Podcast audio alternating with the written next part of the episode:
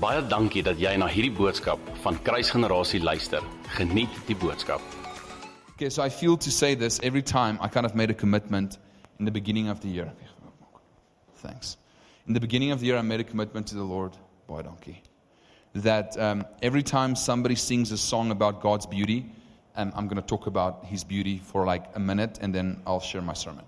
So we sang a song about um, this beautiful man, da da da da da da. Okay, so as man if you're a man here, kind of like that's kind of a strange thought. Okay, is there any other man that's thought that's a strange thought outside of me? Okay, uh, there's five honest men in the room. Okay, so the rest of you, you're way more spiritual than I am. Bless your heart. Okay, so in the beginning, it was so strange for me um, to sing that he is beautiful because I'm just like, that's a man. Okay, it's strange to say another man is beautiful. But then I, I, I started studying what is the beauty of God. What does it mean that God is beautiful? right? There, there, there is meaning to it. It's not a good idea. It's not aesthetics. Dis nie um hoe hy fisies noodwendig lyk nie. Ek dink hy's beautiful, teen teen fisies ook.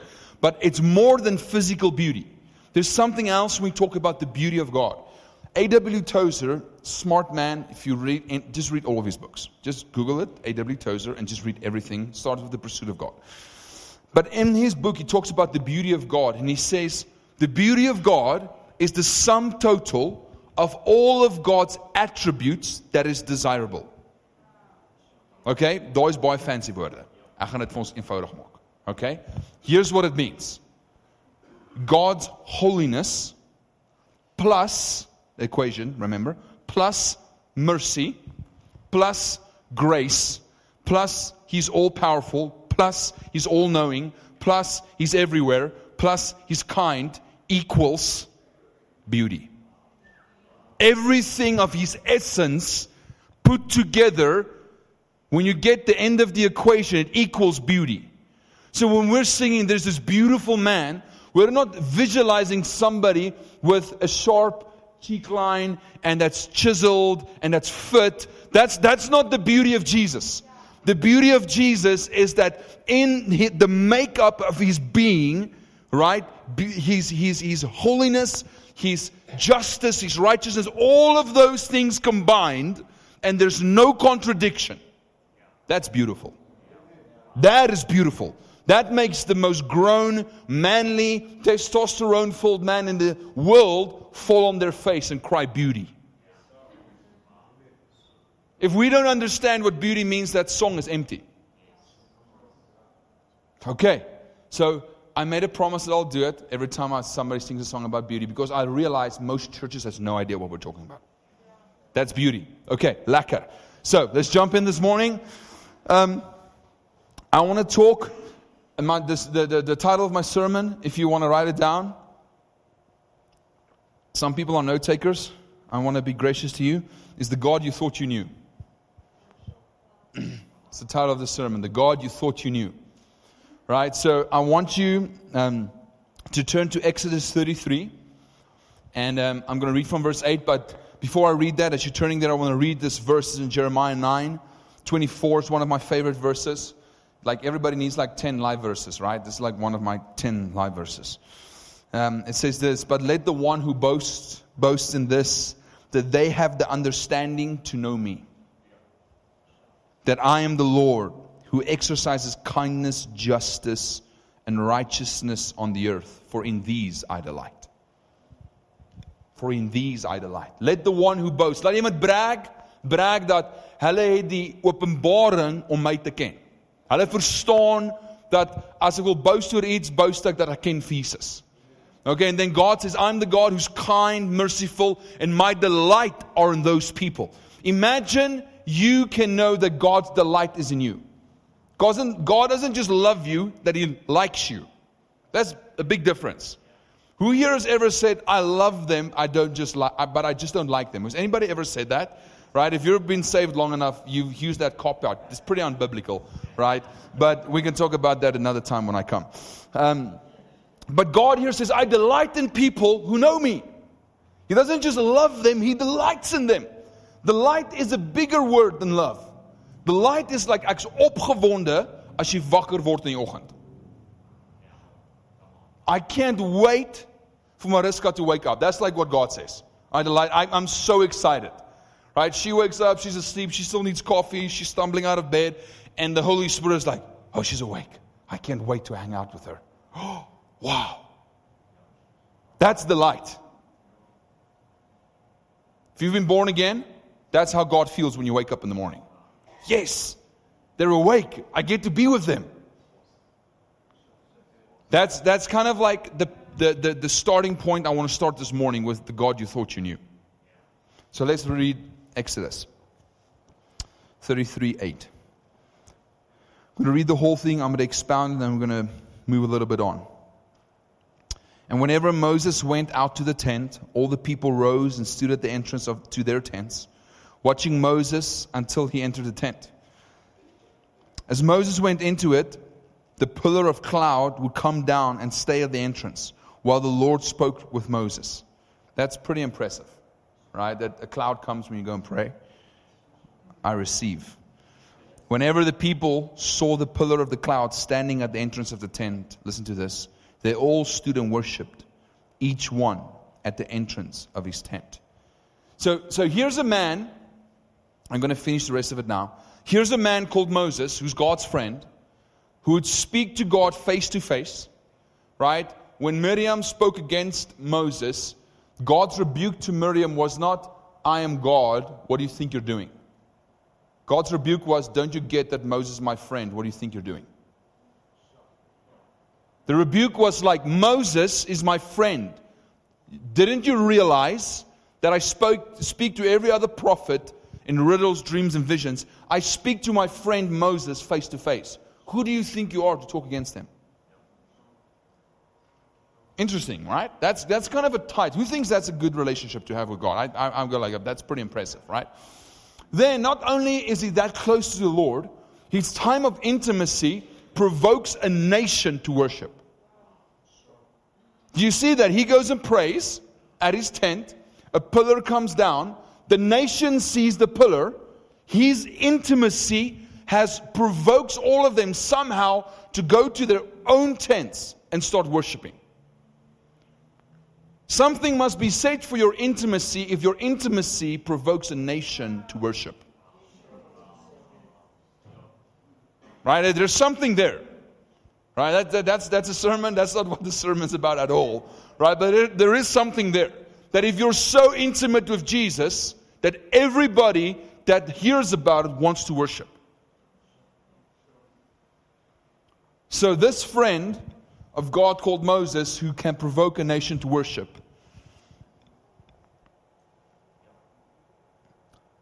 it says, it goes on and says, Then Moses would return to camp after, in that time of prayer to go lead a nation. But, say but. but. Okay, say it again, but. It's very important but here. Okay? Very, very, very important. But his young aide, Joshua, the son of Nun, would not leave the tent.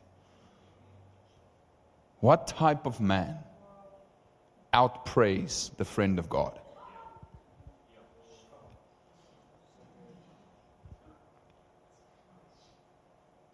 Huh? Like Moses, who spoke to God face to face, who provoked the nation to worship.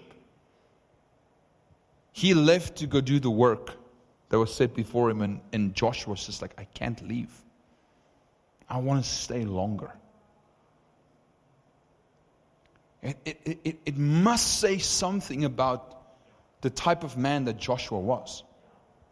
That, that, that this young man would, would stay. And it's interesting in, in the book of Joshua, that's named after him, he's, I think, maybe him and Boaz, it's the only man in the whole Bible that you don't read anything negative about in the Bible. Every other person in the Bible, you see their humanness. Joshua, you don't really see it, right? It's written on purpose that way. But I think there's something about Joshua being this one that has learned from his spiritual father how to pray, how to be in the presence of God, that real spiritual impartation never just allows you to go with the father or mother before you go, went. It always provokes you to go longer, to go further, to go deeper. Real impartation, real discipleship is not that you do as much as your teacher did, so you actually do more. That's what Jesus said, didn't he? You will do greater works than I. There's something about the way that Moses walked with Joshua that produced in him a heart that said, if you had permission to stay X amount of time, I can stay longer. Interesting. So then, go to Joshua 5. It's from 13 to 15. We see something interesting happen. This young man, this man that could outpray Moses. Think, this is the man that could outpray Moses.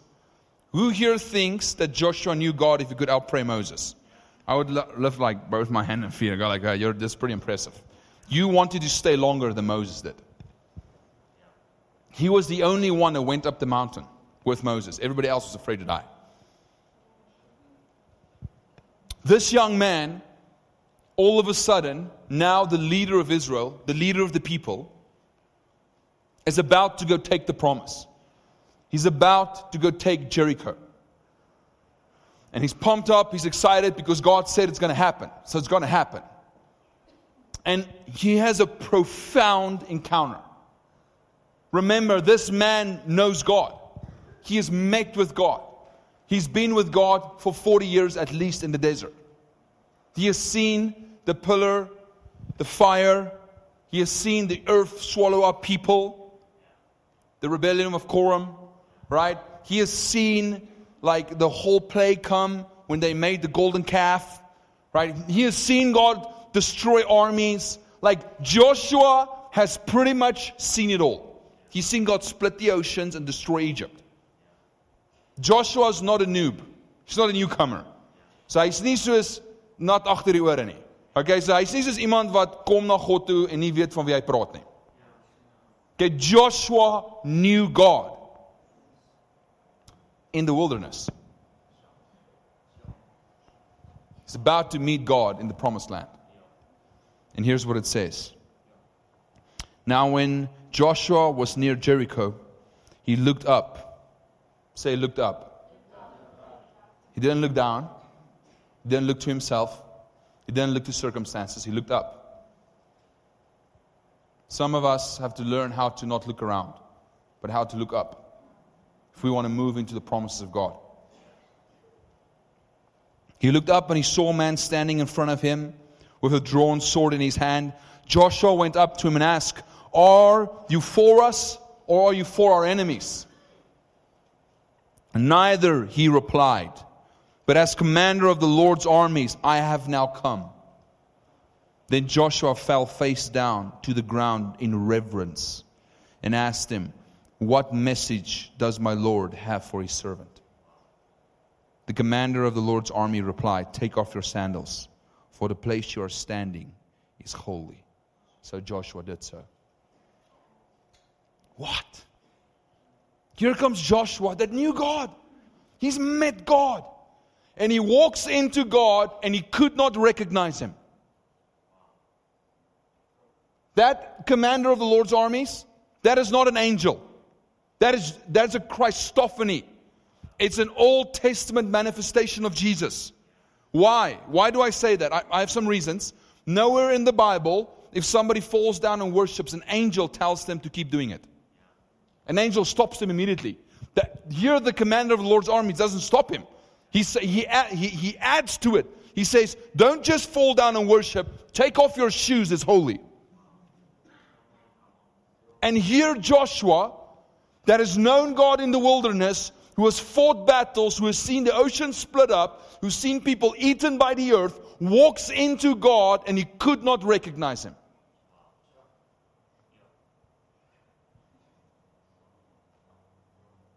And my word for you this morning is where God is taking you requires a revelation of Jesus that you have not had before. If we want to worship the God of Moses, the commander of the Lord's armies, who will take the promised land. You walk past him, you will not see him. If we want to keep doing the ways of God that God did in the wilderness, we'll pick up manna six days a year, and we will never move into the place to take possession of cities. Right? If we want to fight according to the old ways, we will not put the worshippers in front. We will not take the priests in front, and cities' walls will not collapse. For us to walk into the new thing, we need to know God in a new way. And I believe this morning, as this new child was added to the church, it's a sign of a new thing the Lord wants to do. It's a sign of a new place the Lord is taking this church. It's a sign of the promise that you're being invited in. But some of you need to let Moses die. Stop resurrecting him. How do you resurrect Moses? You talk about the good old days.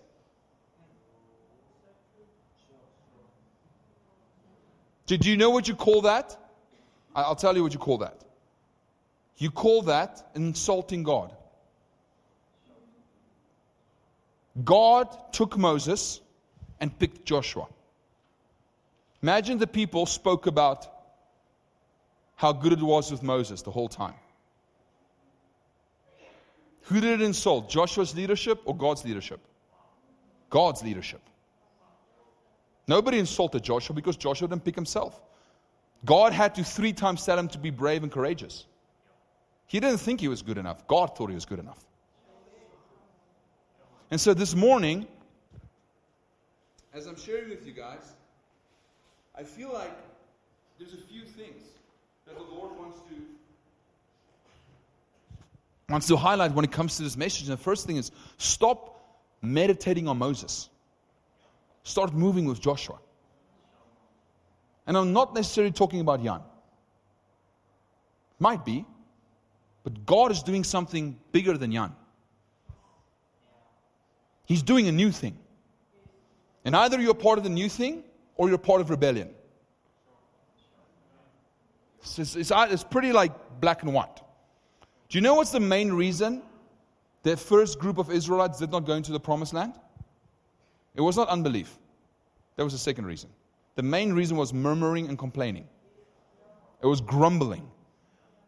It was, it was a spirit of entitlement. And I believe that the Lord, where God is taking the church in South Africa, needs to allow Moses to die. If we're going to move where God is taking us, we need to allow the old ways to die. The old ways weren't bad, they got us through the wilderness, but we're not there anymore. You're going to look for manna, you're going to die of hunger. You better go take the cities because God has prepared a place for you so you can prosper and walk in what God has for you. The second point is that the revelation that we had of God in the past will not sustain us into the future. The revelation we had in the past will not sustain us into the future. That revelation of what God is like is foundational, and we stand upon it. But it does not lead us in where we're going. It's our foundation. Right? That means that whatever new thing God is doing, whatever He's building in us, that we're not eating primarily for what has been done. We're eating primarily for who He has showed Himself to be now. So many times, especially in Afrikaans culture, hear my heart, guys. We all grew up Christian. And sometimes what that means is, hear me, I, I mean this with, I'm speaking, I'm preaching to myself that we think we know. We think we know. And yes, we do know. But is your heart satisfied? If I would go to every single one of you into your heart of hearts and ask you, is the God that you now know enough? Or do you want more? Do you want more? Do you want more? Do you want more? Do you want more? Most of you would go like, actually, I do want more. But I'm afraid to say it out loud because what if I'm disappointed?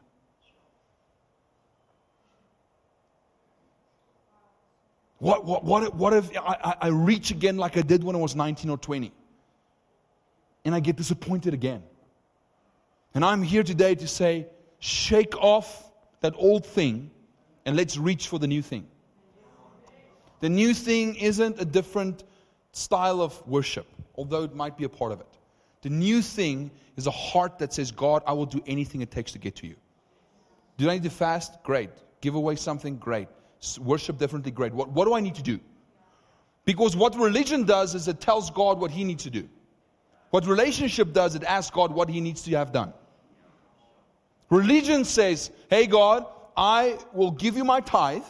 I'll come to church, do Wednesdays, I'll even maybe lead a small group. And then you meet this criteria here for me.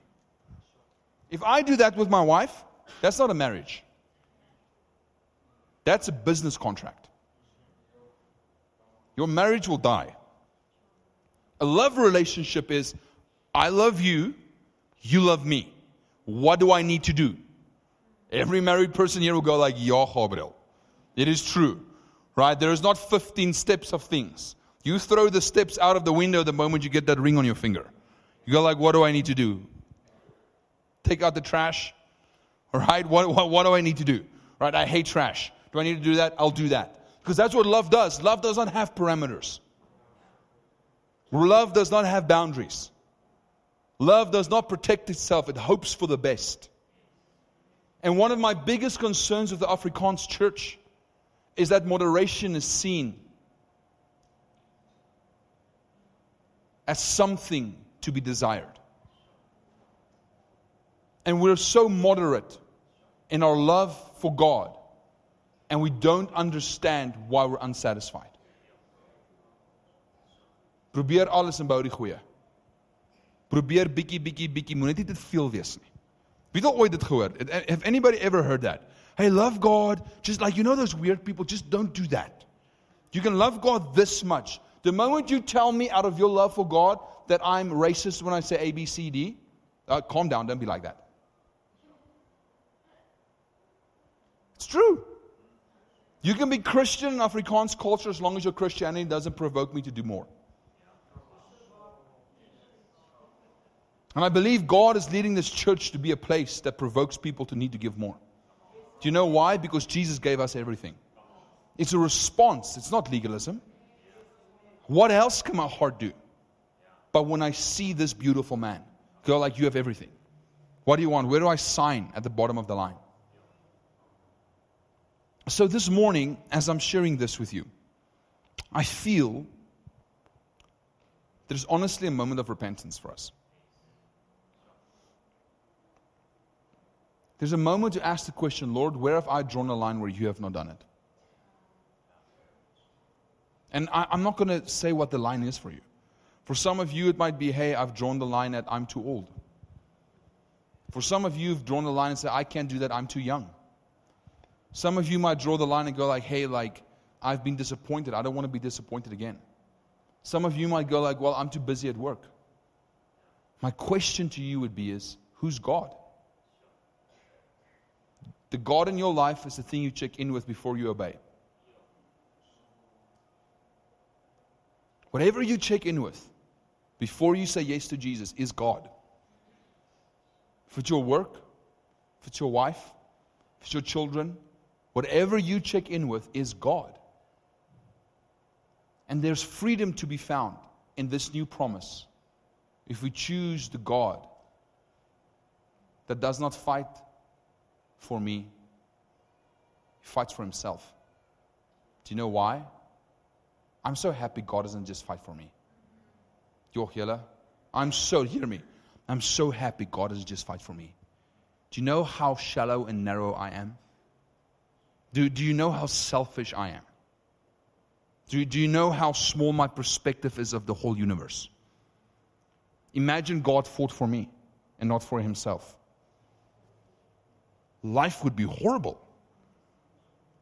Life would be terrible. But because he's good in his nature, if he fights for himself, it will be good for me. And if I align with his fight, everything will turn out good. Now, good doesn't mean I have a Ferrari. That's prosperity. That's a lie. Good might mean that I die for the gospel. But because he deemed it to be good, I trust him. And this morning, it's 11 o'clock, right? I know he said there's no time limits, but I'm going to still, you guys have sat a long time. I'm going to pray for us, and I'm going to give you a response, uh, an uh, opportunity to respond to Jesus, right? But here's what I'm going to ask. I'm going to make it a little bit uncomfortable. Is it okay? Okay.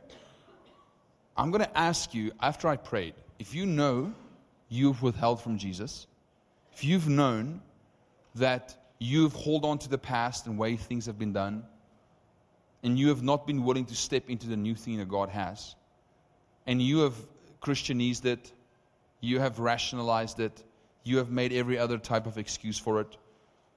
If I say amen, I'm going to ask you to stand where you are. Nobody's going to close their eyes.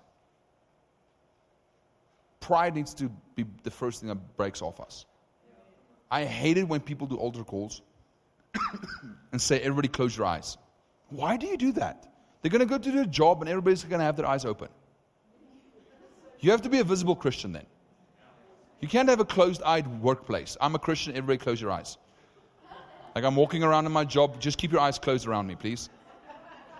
Right? Why? You're birthed into the protection of self.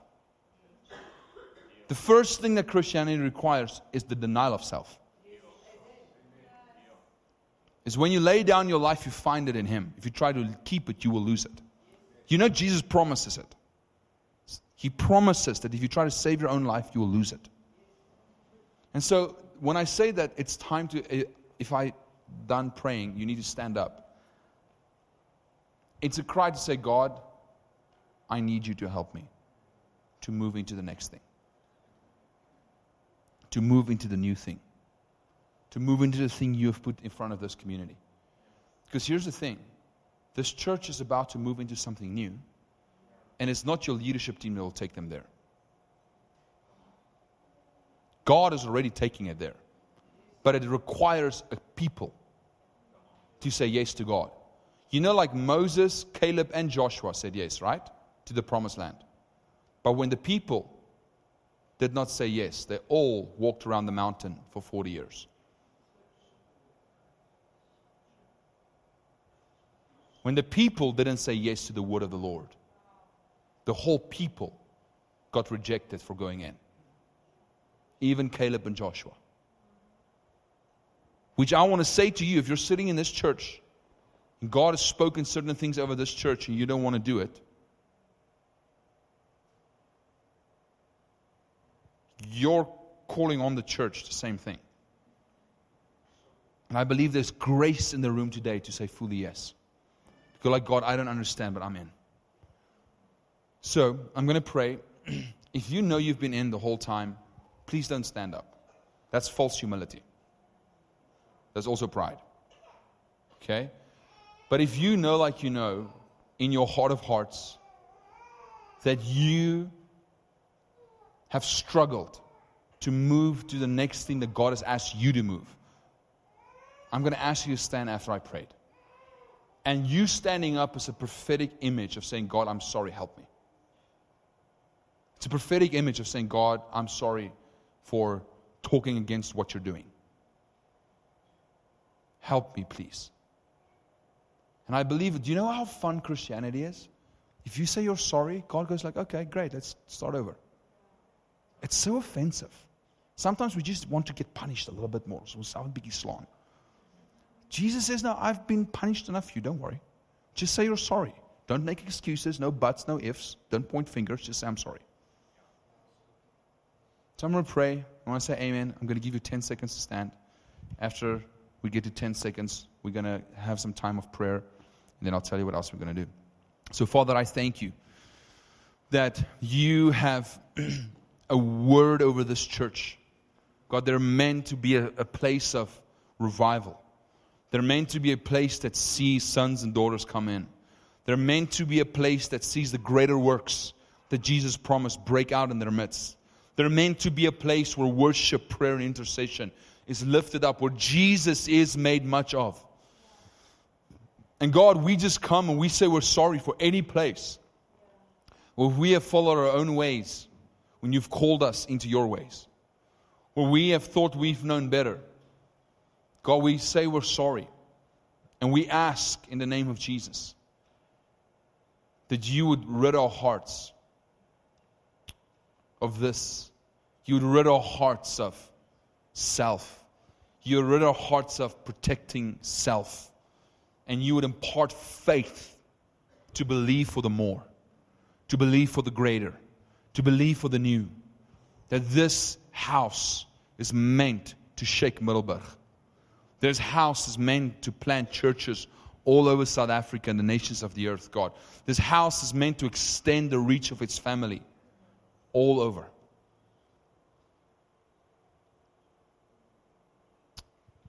In Jesus name. Baie dankie dat jy na hierdie podcast geluister het. Indien jy die boodskap geniet het, deel hom asseblief met jou vriende.